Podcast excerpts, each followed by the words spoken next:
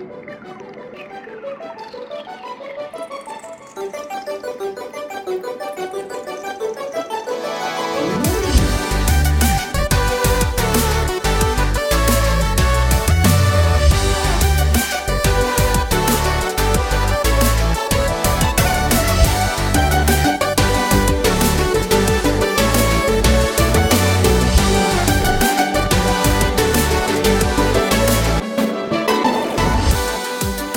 Velkommen tilbake til Sidequest, eh, hvor enn du sitter. Hvis du eh, hører på dette på Patron idet det kommer, hvis du hører på det ti uker etter på Spotify eller iTunes eller andre kanaler du foretrekker, eh, hvis du er på fjellet, hvis du er hjemme hos deg selv, hvis du sitter på kollektivtransport Det er uansett utrolig hyggelig at du har valgt å trykke på play på denne Sidequest-episoden, som heter Dypdykk, parentes Destiny 2 med Rune Fjell Olsen. Vi har allerede hatt én episode der vi gikk gjennom Destiny 1. Um, litt av Runes forhold til Bungie og eh, selskapet og historien og litt til. Og det han avsluttet eh, den episoden med, var jo å si at det Destiny 1 manglet, det var historien, eh, karakterene, tredimensjonalitet osv. Så, videre.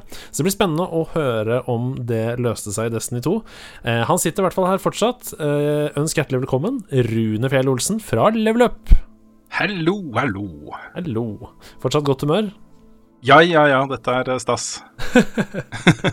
Ja, det er deilig. Eh, eh, du har jo også snakka om det innimellom i Level Up i podcast-sammenheng og rundt omkring, da, at noe av det du setter mest pris på med spill, det er sånn at innimellom så kan man bare liksom forsvinne inn i et univers i en periode, og Mm. bare være helt oppslukt i det. Og så kan man slippe, legge det vekk igjen, liksom. Ja, litt sånn som med bøker. Ja, ikke sant? Og det er vel ikke noe Mm. uh, Det er vel ikke noe hemmelighet at Destiny, både Destiny 1 og Destiny 2 har vært sånn for deg. Ja, ja, uten tvil. Um, både sånn uh, slappe av mens jeg hører på podkast-type ting. Og så en litt sånn derre chill-ting å gjøre da, for å tenke på noe annet og sånt. Men også bare utrolig mye bra content da, uh, i lag med, med hyggelige folk. Så det har blitt en hobby, altså. En, uh, en vedvarende hobby.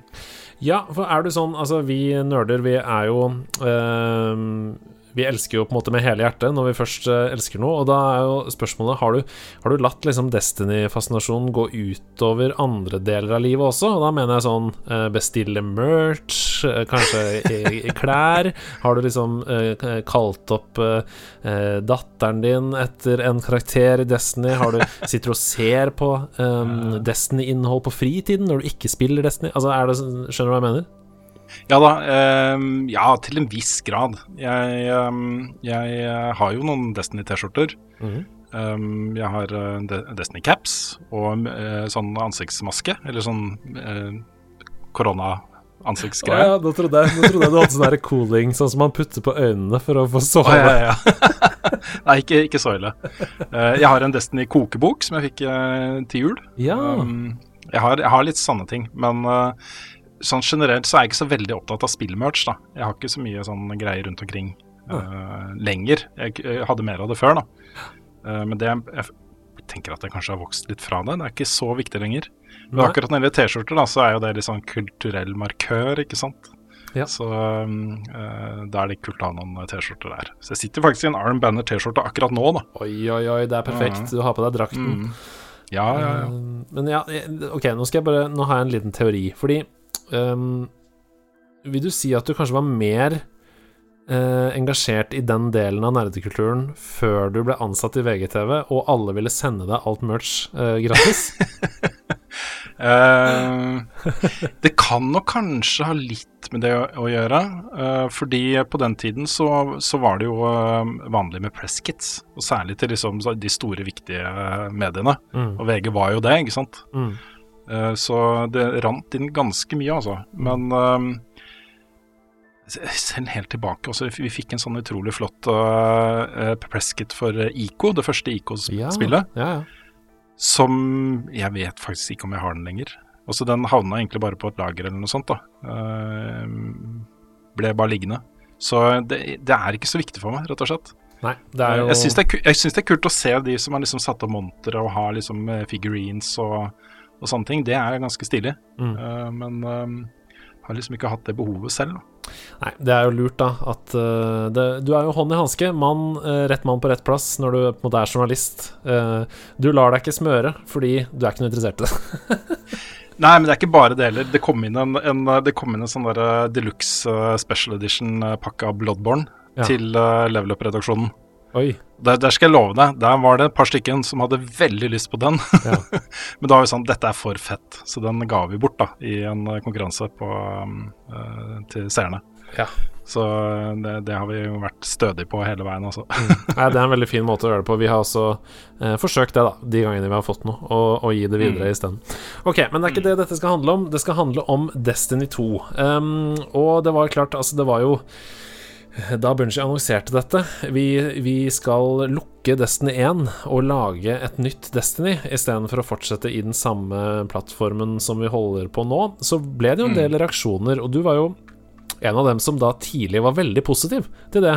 Um, og var liksom sånn Ja, dette kommer jo til å bli så bra. Og da husker jeg tenkte sånn Men er ikke dette en stor risiko? Det, altså Hele spillebasen er jo i Destiny 1 og uh, Men du, du, var helt overbevist om at det var, um, var helt riktig å gjøre. Hvorfor det? Har nok litt sammenheng med at eh, jeg hadde jo gjort absolutt alt det var mulig å gjøre i Destiny 1. Mm. Og så Jeg nevnte i forrige episode at det hadde jo et opplegg som et Grimar-kort. Eh, og for det fikk du poeng. Så der var det en sånn persistent ting da, som gikk gjennom alle delscenene og sånt, som var Grimar score. Hvor mye av Destiny hadde du eh, gjort? Og det var da alt fra å liksom fullføre et raid eh, på forskjellige måter, til å skyte en Hydra 500 ganger. Eller drepe 500 Hydras. Sammenligning, da. Ja, ja. Ting som kunne ta mange timer da, å sitte og gjøre, liksom. Så jeg, jeg gjorde det. Jeg sto på en fjellknaus og skjøt den, den ene fiendetypen som spåna liksom hvert 30. sekund. Uh, og så videre. Jeg gjorde alt. Så jeg hadde maks Grimmer score og var helt ferdig liksom med Destiny 1. Ja, um, og det som var um, grunnen til at jeg kjøpte argumentasjon da, til, at, uh, til at de starter på nytt, er jo rett og slett fordi dette var jo også et en sånn teknisk uh, grunnmur som begynte å knirke og knake skikkelig. Mm. Um, det å på en måte bygge den ut og bare videreføre det universet som allerede var der, var ikke teknisk uh, gjennomførbart, da, var jo det Bunji sa. Mm. og jeg tror de på det også. Jeg tror at for å komme dit hvor man kan lage en, en, en faktisk persistent verden som bare bygges ut, Eh, så måtte de rett og slett eh, skrinlegge mye av den koden de hadde. da. Mm. Eh, det var sånne lange beskrivelser av hvordan de måtte gå inn og liksom sette plaster på kode som egentlig var litt sånn hårreisen at de fortsatt hadde der, men de, hvis de tok det bort, så ødela de 50 andre deler av spillet. Da. Ikke sant. Så, så det var nok et lite monster det der, altså. Um, Jon Cato har snakket uh, mye om det der i utgivelsen av bl.a. Among the Sleep og sånn. Uh, mm. At når du ser en bug, så er det sånn Ja, det er jo enkelt å fikse, men så fikser du den, så oppstår det 20 andre bugs uh, fordi du fiksa den ene bugen. mm. ja. Men så var det jo Det som gjorde at mange var skeptiske, var jo at Activision var jo tungt involvert her. De hadde jo en publishing deal med Activision, mm. um, hvor på en måte også Activision eide på en måte deler av hele Destiny-greia. da de hadde en eierandel i det. Um, hvis det fortsatt hadde vært tilfellet, så hadde vi nok sett Destiny 3 nå. Ja. For det, det, Activision var opptatt av, var liksom um, den avtalen de hadde om jevnlige delseer, uh, om store delseer annethvert år. Sånn pang, pang, pang som en klokke, liksom. At de kunne budsjettere etter å få de inntektene fra uh, disse store utvidelsene av Destiny. Mm. Uh, og det er, er, jo ingenting som gir mer inntekter da enn å bare gi ut Destiny 3. Nei. Så det første som skjedde da uh, Bungie og Activision gikk hver sin vei, var jo at Bungie gikk ut og sa at nå uh, dropper vi uh, oppfølgertankegangen og sånt. Nå, fra nå og til evig tid så skal Destiny være én persistent verden som vi bare bygger ut. Ja. Så, så, det var jo en sånn overgang som, som jeg og veldig mange satte ekstremt stor pris på. Jeg, jeg, mener det er den riktige måten å drive et, et persistent spill på. Ja. Det er vel kanskje grunnen til at jeg er litt eh, kritisk og skeptisk til Overwatch 2, f.eks. Mm. Eh, nå er det en helt annen type spill, selvfølgelig, enn Looter Shooter-universet Destiny, men, eh, men, likevel. Men det er ikke det det skal handle om. Eh, Destiny 2 eh, jobbes med bak kulissene, og endelig så kommer det. Blir eh, forventningene dine innfridd da, når det kommer? Nei. Eller ja, de gjør for så vidt det. Også Grunnen til at, det, eh, at jeg mener på en måte alle disse store utvidelsene av eh, spillet har vært gode, er jo pga. raidene, først og fremst. Det har alltid vært et bra raid her, uh, og det var det her også. Leviathan Raidet var kjempebra. Ja. Um, Men det kom ikke før en stund etter release? Nei, det kom vel Jeg husker ikke hvor mange uker jeg var etter release, men uh, det, var, det, var, ikke med en gang, umiddelbart i hvert fall. Nei, Man må jo selvfølgelig grinde opp til maks level og sånn, så det gir jo mening, det, altså. Bare Ja, ja det gjør det. ja. uh, så, så, sånn umiddelbart uh, likte jeg jo retningen det tok. måten historien ble fortalt på og sånne ting. Men hadde det ikke vært for raidet, så, så tror jeg de hadde vært litt i trøbbel, altså. Ja. på akkurat dette her. Men ja. så en par-tre måneder etterpå så kom det jo på PC, så da var jo liksom Ok, det var jo en enorm overgang mm. uh, for alle som holdt på med Destiny. Så det var jo det som gjorde at jeg ok, jeg gir dette her en sjanse til. Ja.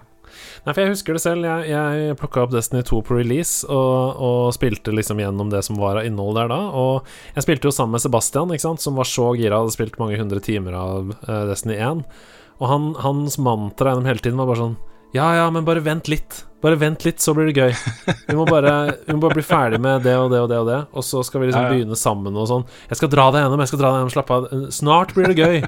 Så er det sånn, ja, ok. Jeg husker Hasse sa på et tidspunkt sånn Men Sebastian, nå har vi spilt i 30 timer. Når skal det bli gøy? Ja, ja. og, og det, var, det var litt følelsen for meg, da. Spesielt jeg som aldri hadde spilt et raid. da eh, Jeg sto igjen med litt sånn det er ikke humoren til Borderlands. Uh, det er ikke historien til uh, Ja, jeg vet ikke Star Wars, liksom. Altså, det føltes bare som sånn Det er gøy å skyte på ting, men da kunne jeg like godt skyte på blink, hvis du skjønner? Eller sånn. Mm. Ja. ja, nei, jeg skjønner hva du mener. Mm. Uh, og nå er det jo på en måte um, Det jeg fikk, da, som du ikke fikk i den opplevelsen, var jo de, alle de andre sidene av spillet. Mm. med strikes og PVP og um, trials etter hvert og den type ting. da. Ja, da. Så, så, jeg hadde liksom nok å finne på det, i, i, spillet. Men det må jeg bare si da, at, eh, før vi går videre, så må jeg bare si at jeg, jeg spilte, har spilt eh, over 200 timer inn i Destiny 2. Så jeg, jeg fikk jo det etter hvert, jeg også. Med, med PVP, ja. med Strikes, med Nightfall, med, med, Raid, med alt mulig. Jeg er veldig glad, mm. veldig glad i det spillet nå, men nå snakker jeg bare om akkurat da det kom. Ja, fordi jeg tror de fleste opplevde ganske fort at, at det var ikke den samme nivået av engasjement i innholdet som var der, mm. som man hadde opplevd uh, mens Destiny 1 var på sitt beste. da. Mm. Uh, så starten var litt sånn underwhelming, altså. Den mm. var ikke helt sånn som den burde ha vært. Um, uh, som sagt så, så, ble det jo litt mye, da. Redda, redda inn av raid og sånne ting. Men jeg var litt stressa i starten her. Mm. Var, da fikk jeg min første sånn dipp hvor jeg bare rett og slett ikke spilte Destiny på noen uker, liksom. Mm. Nei, så humper det av sted, da, eh, etter release der. Noe av det som vi på en måte avsluttet Destiny 1 med, var å snakke om uh, at du opplevde at historien var litt mangelfull. Eh, mm. I, I, denne eh, delen av syklusen Destiny 2, uh, for det er viktig å si, hvis vi ikke har understreka det nok, Destiny 2 er et game as a service. Altså, det kommer nytt innhold kontinuerlig. Det betyr at spillet mm. er noe helt annet nå enn det var da det kom for mange år siden. Så, men, ja, ja, ja. Men, men, på den tiden her, tenkte du da Ja, det er noe i historien her som er bedre enn det var tidligere? Altså, hvor, hvor, hva, hva var egentlig historien i Destiny 2, da vi trykka på play, liksom? Det var jo eh, det, man ofte gjør da i sånne universer, er jo å introdusere en ny fiende, ikke sant. Som uh, er en trussel mot det universet man er en del av. Mm. Uh, her var det jo da en ny sånn kabalfiende, uh, Gaul, som kom for å ta kraften til The Traveler. og det skjedde jo en del sånn dramatiske ting i, i den historien. Som for meg ikke hadde spesielt stor impact, da. Um, mm greit, det er en del kule rollefigurer her, med Cade Six og Savala og Cora og, og, sånne ting, men jeg bry, brydde meg ikke noe særlig om de. Det har på en måte vært gameplay som har vært det viktigste for meg da, i Destiny-universet uh, gjennom hele Destiny 1. Mm. Uh, mye viktigere enn uh, en historien. Med litt unntak av The Taken King, som var fantastisk, ja. rett og slett. Også på historien. Altså, du satt så, egentlig bare og venta sånn Gi meg, bare La meg bli ferdig med det her, sånn at jeg kan begynne å finne de våpnene og det utstyret og sånn jeg vil ha. Ja, det var litt sånn. Mm. Og så var det liksom Det var ikke mange nok uh, nye, gode våpen. De hadde jo sletta hele hvelvet til folk, ikke sant. Mm. Man måtte starte på nytt, og så klarte de ikke å erstatte det du hadde mista med noe som var like bra, da. Um, så det har liksom først kommet seinere. Mm. Så den umiddelbare responsen var veldig positiv. Men så gikk den raskt over til å bli litt sånn derre Ja, er det sånn det skal bli framover nå? Ja. Eller uh, blir det bedre? Så legger du fra deg Destiny i to i noen uker eh, før nyhetene om eh, The Leviathan Raid eh, kommer. Um, og raidet åpner, og du selvfølgelig eh, løper til eh, din PlayStation og tenker eh, Endelig er vi der vi skal være. Eller?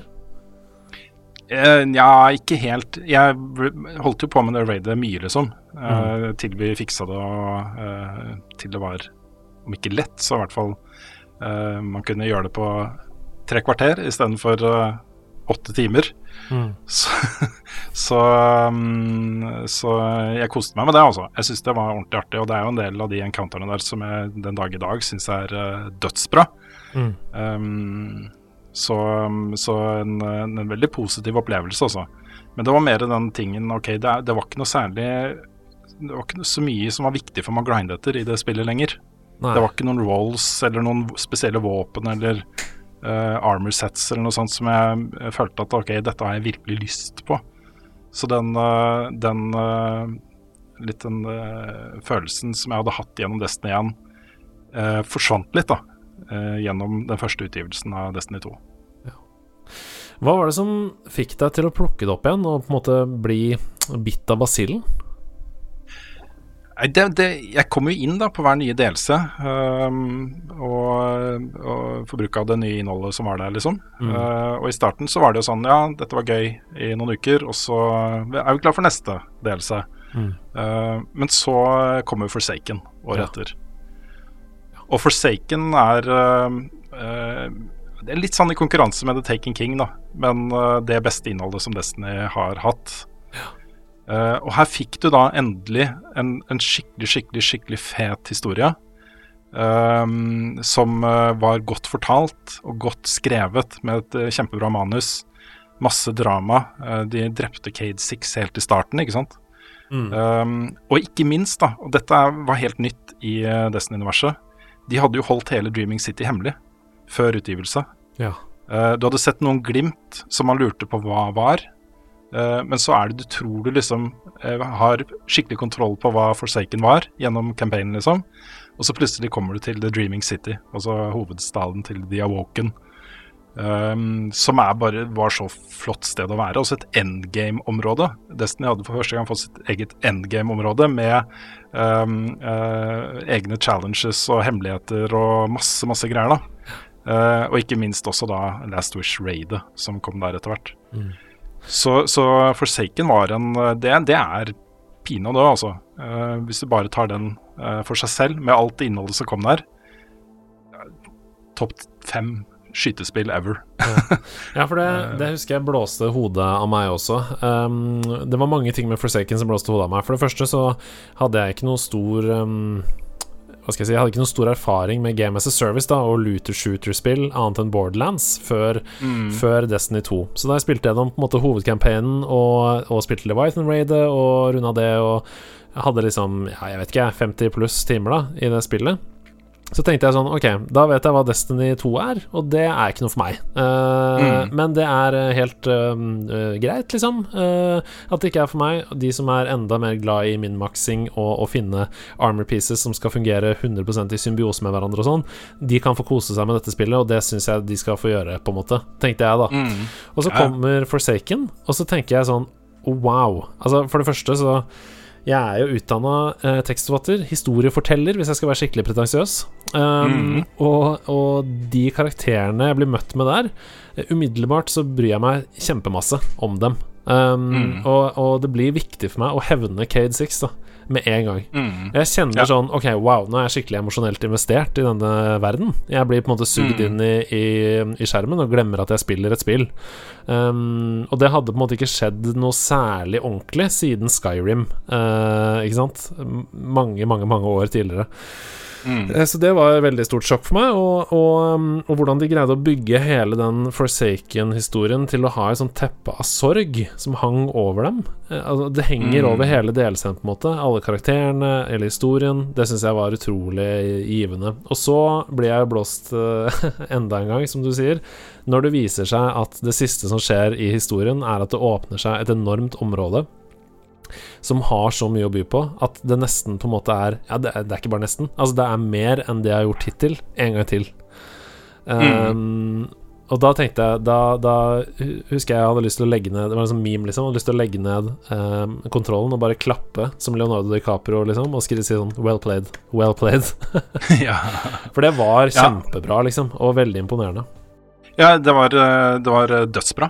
Da Forsaken kom, så ikke bare fikk du en ny delelse med en ny historie uh, og nye områder og den type ting, men de hadde en plan som mm. strakk seg over mange uker. Hver eneste uke på Reset så fikk du noe nytt.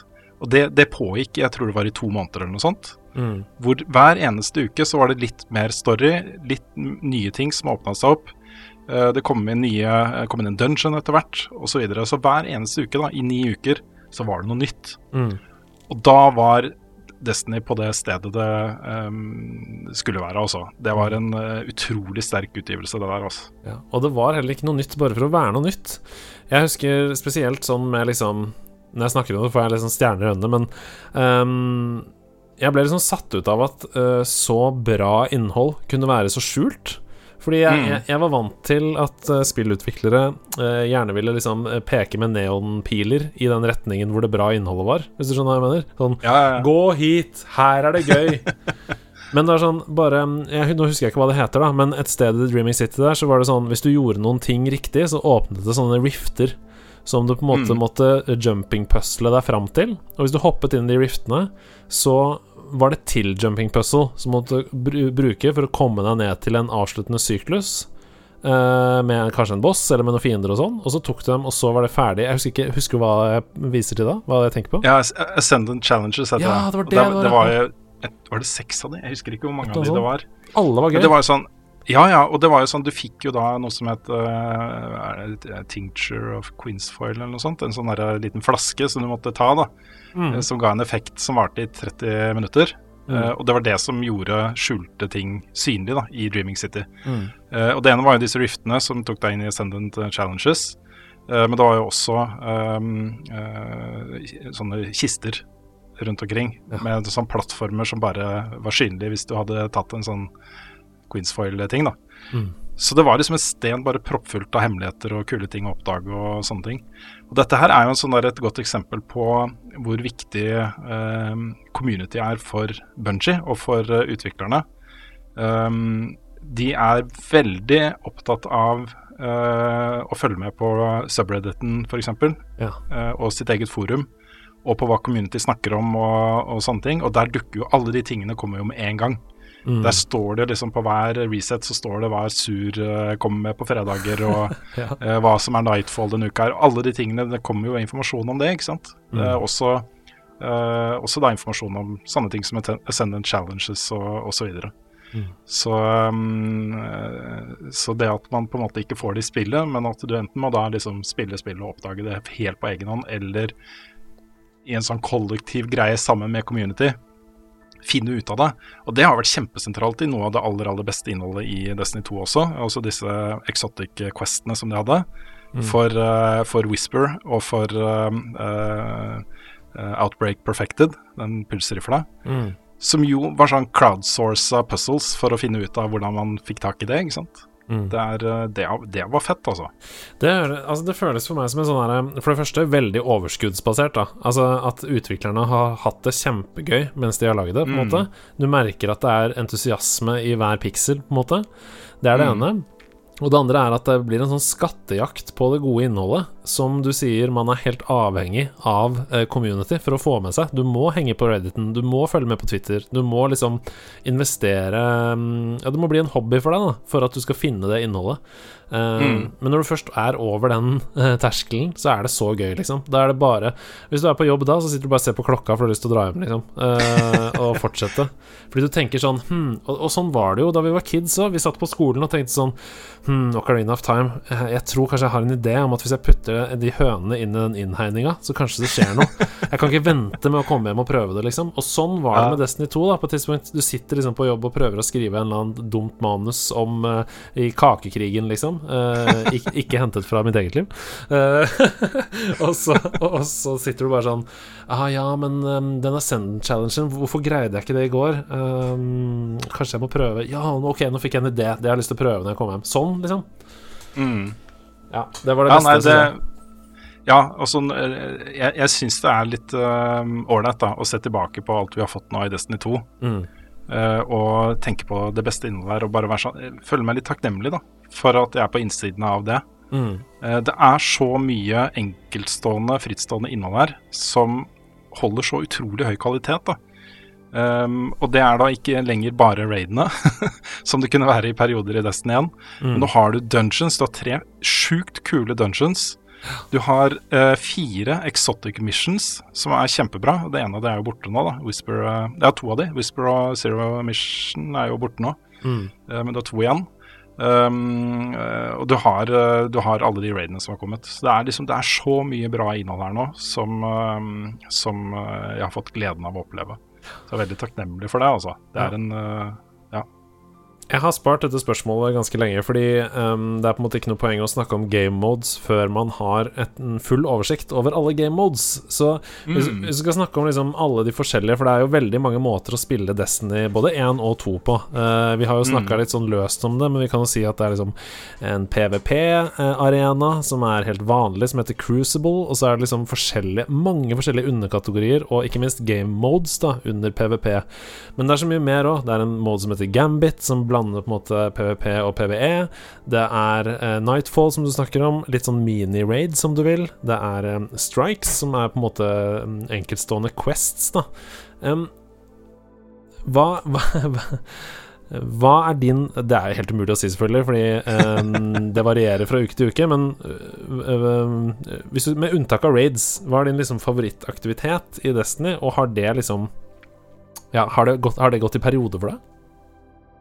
Eh, ja, derfor så har det gått litt i perioder, men etter at de begynte å introdusere dungeons eh, og exotic quests da, i dette Mm. spillet, så, eh, så har jeg brukt mye tid på det. Og mye av grunnen til det, ta f.eks. den aller siste som kom nå, uh, Presage, Mm. hvor du får eh, et av tidenes eh, aller, aller beste og kuleste Destiny-våpen. Um, eh, hva er det det heter igjen, da? Det er en exotic scout-rifle. Ja. Dead Man's Sand heter det. Oi. det Som foregår et da på våpen jeg hadde digga, siden Scout er min favorittklasse. Ja, og så er det, og så er det sånn cowboy-feel over det. Og så når du får eh, fem crits etter hverandre, så, så plystrer den. Um, Ennio Morricone. Den, den derre Oi, wow. Ja, det, er, det er så fett, altså. Ja. Eh, men den foregår da på et sånt spøkelsesskip, ikke sant? Med inspirasjon fra Alien og Dead Space og Metroid eh, Prime og, og Mm. sånne ting. Med puzzles og greier. Og der var det jo For å få alt av law ut av det, så måtte du gjøre det tolv uker. Eh, ikke på rad nødvendigvis, men du måtte ta da siste bossen tolv ganger Mm. på forskjellige uker. Eh, For å få den aller siste biten av law der. Og den aller siste biten av law du fikk, var jo i tillegg helt sjukt fet. Mm. Så, og hadde veldig stor impact på det man opplever nå, da, i den sesongen som er nå, Mm. eh, og historien der. Um, så da kunne man gå inn da en gang i uka og spille Pressage. Um, jeg gjorde mye det solo. Uh, fullt gjennomførbart solo, men ganske vanskelig allikevel. da. Uh, og få, du fikk noe igjen for det. Hver gang fikk du en ny roll av den scout-rifla. Uh, plutselig så fikk du akkurat den drømmerollen du hadde lyst til å få, og sånne ting. Mm.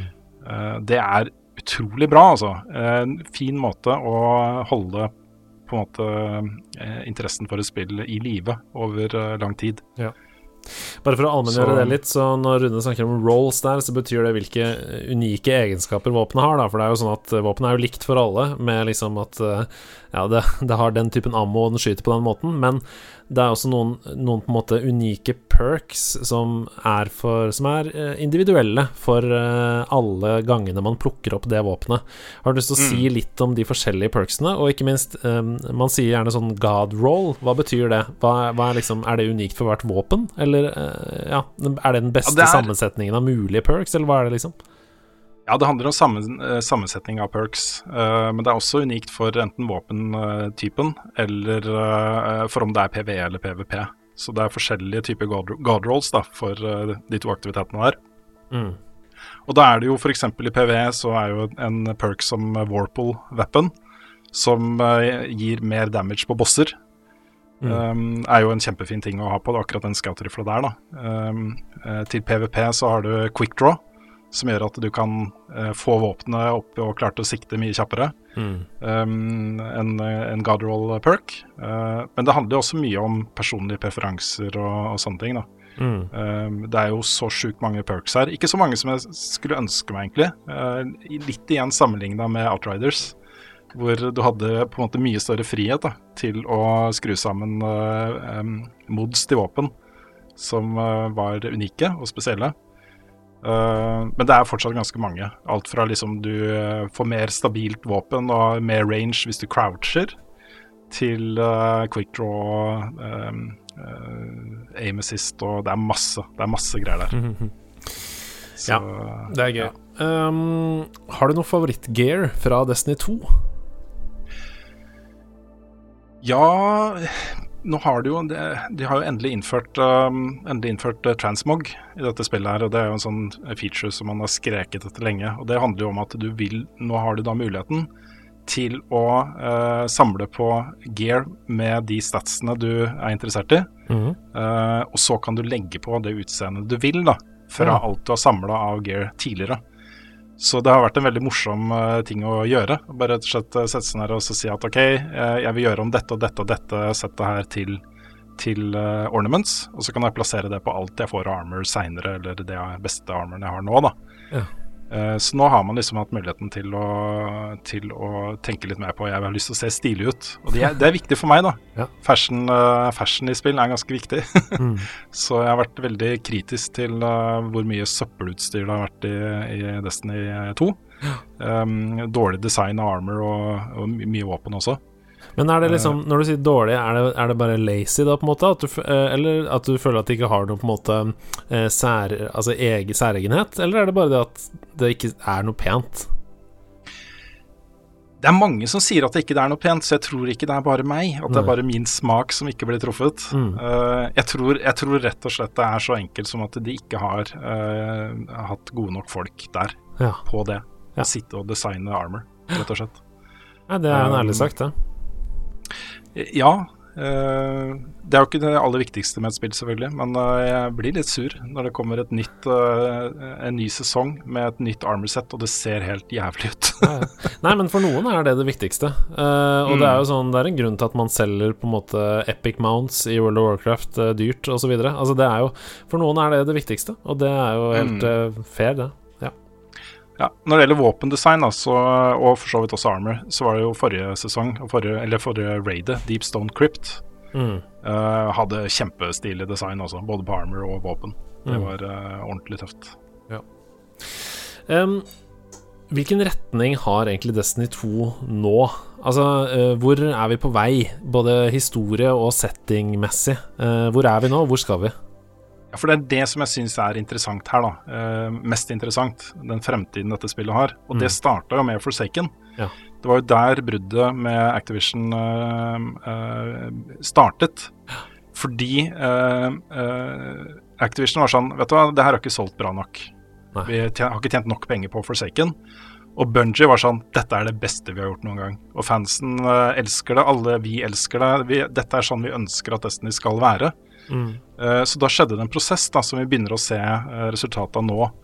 Um, så det har kommet to store delser etter det. Den første heter jo Shadowkeep, og så kom Beyond Light. og det de to har gjort, er å sette, legge grunnlaget for den historien vi har begynt å få nå. og det er en story arc som starta med Beyond Light, og som skal fortsette til neste år med The Witch Queen. Og så er det uh, Hva er det det siste het igjen? Den, den, høres veldig sånn der uh, endgame-aktig ut. Mm. men de har en ark jeg husker jeg så den pressekonferansen og så de tre titlene og tenkte sånn Wow, dette blir fett. ja, dette er litt sånn der Marvel Cinematic Universe-tankegang. Ja, det er akkurat det det er. Ja. Um, og det er, de er så gode nå på å fortelle denne historien. Altså, for hver eneste sesong som kommer. Det er ikke enorme mengder med nytt story-content, men det er så velskrevet og så mm. spennende, da. Eh, og akkurat nå så, så er vi inne i en, en fase av spillet hvor uh, The Vex har uh, lagt hele The Last City inn i evig mørke. Uh, og du går inn i en sånn seasonal activity hvor målet ditt er å hacke den. da Det er en sånn Vex-simulert reality-ting. Mhm. Eh, og så finner du ut da gradvis fra uke til uke at vet du hva, den som står bak dette her er jo Sabatun, altså The Witch Queen, Mm. som eh, sitter som en edderkopp bak der og styrer tråder. Og kanskje Sabatun har til og med tatt over noen av Guardians eh, og eh, gjort de til sine puppets. Mm. Eh, og Det begynner å skje så mange sånne ting nå som, som er spennende. Og alt dette bygger jo da opp til The Witch Queen, ikke sant? som igjen da vil bygge opp til den siste eh, delen av dette her. Og de er villige nå til å ta mye større risiko på historiefortelling, og de satser mer på det. Og de bruker mer energi på å fortelle liksom gode historier. Eh, og den sesongen vi er inne i nå, er historiemessig helt sjukt bra, altså. Fordi eh, den, den er så utrolig bungee. Ja. Her, eh, den, den starter jo med at du har en gruppe Fallen, som jo øhm, øh, viser seg da at de er jo egentlig det Altså det er en veldig sterkt religiøs gruppe. De tilber The Traveler. Øh, og hadde i mange øh, øh, lang, lang tid da, så var jo Traveler deres beskytter. Og så dro The Traveler for å beskytte menneskene, og da fulgte jo de etter The Traveler. Eh, og nå er de på flukt. Um, de er jo ikke altså De er ikke voldelige. De har ikke lyst til å krige med noen. De er bare opptatt av å liksom være nær The Traveler og være i dens lys igjen, ikke sant. Mm. Eh, og så tar da Guardians inn disse som flyktninger hos seg. Og her har du Dette er jo direkte parallell til liksom muslimer mot kristne.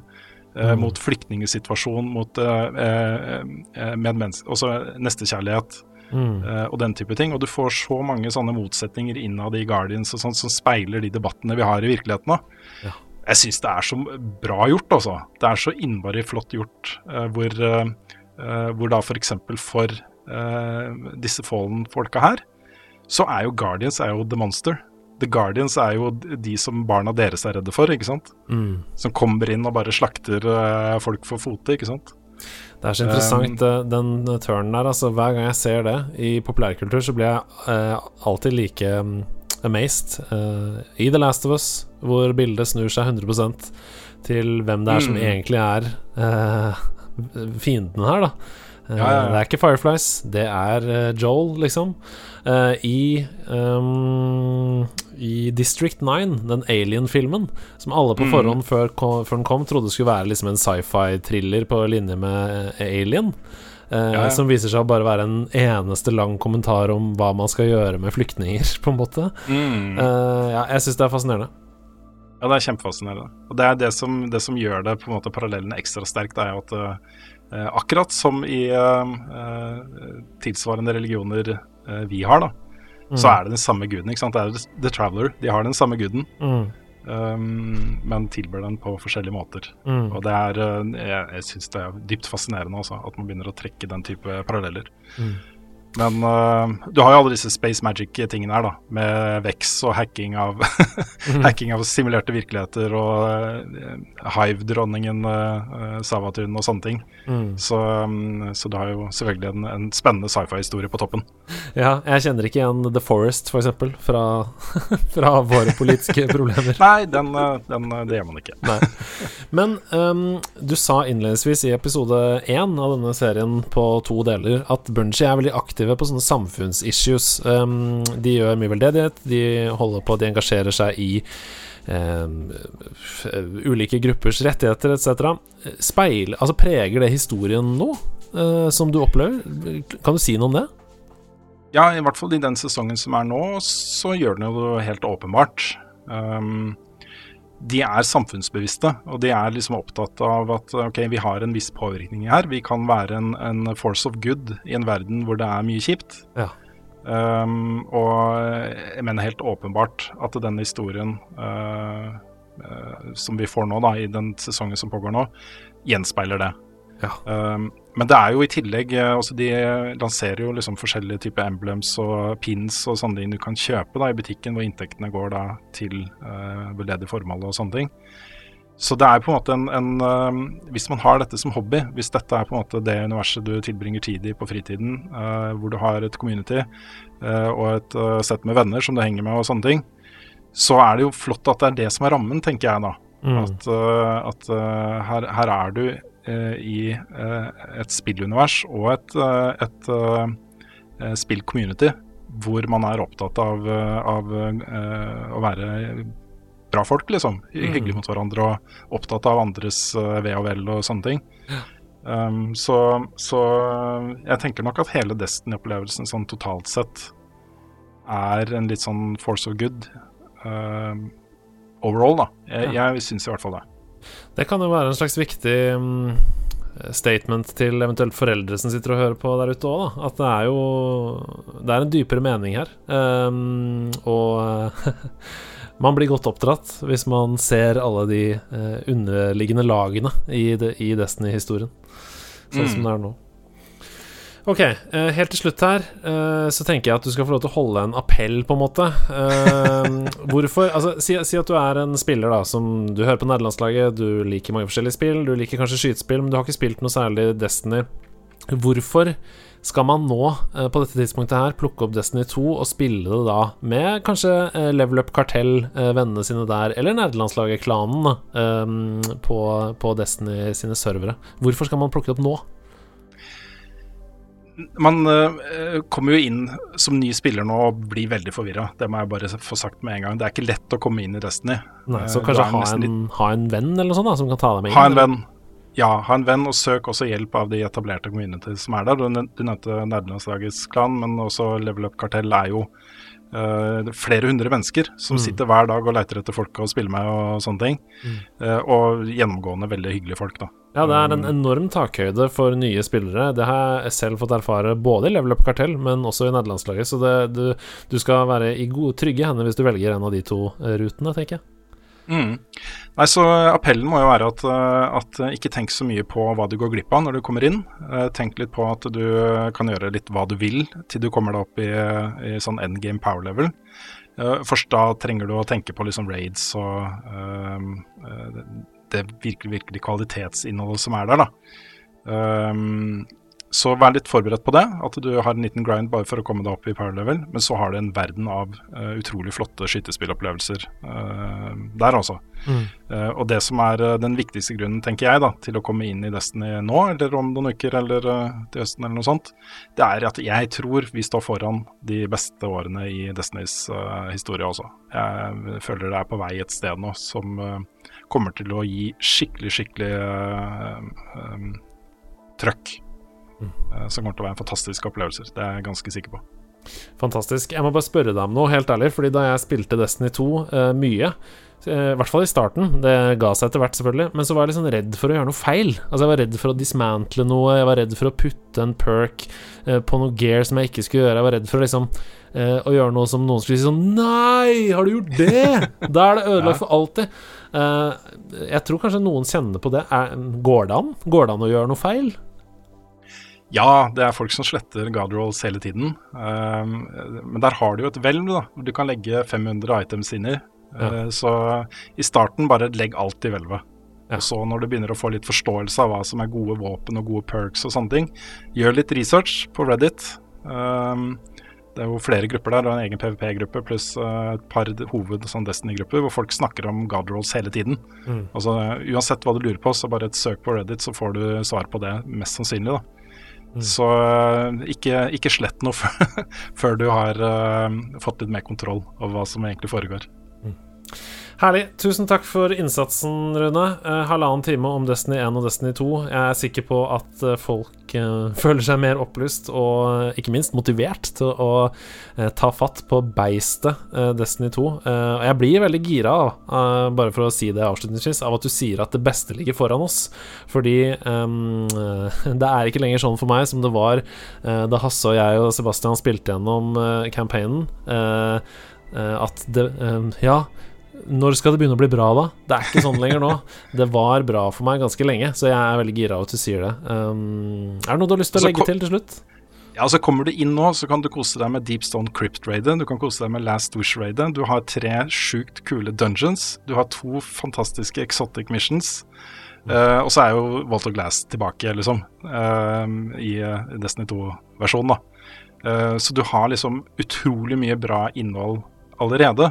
Og så kommer det, tror jeg, da, veldig mye bra innhold etter hvert. Og da er du klar, ikke sant. Da er du klar til å sette i gang med alt det nye, uten at du trenger å grinde opp og sånne ting.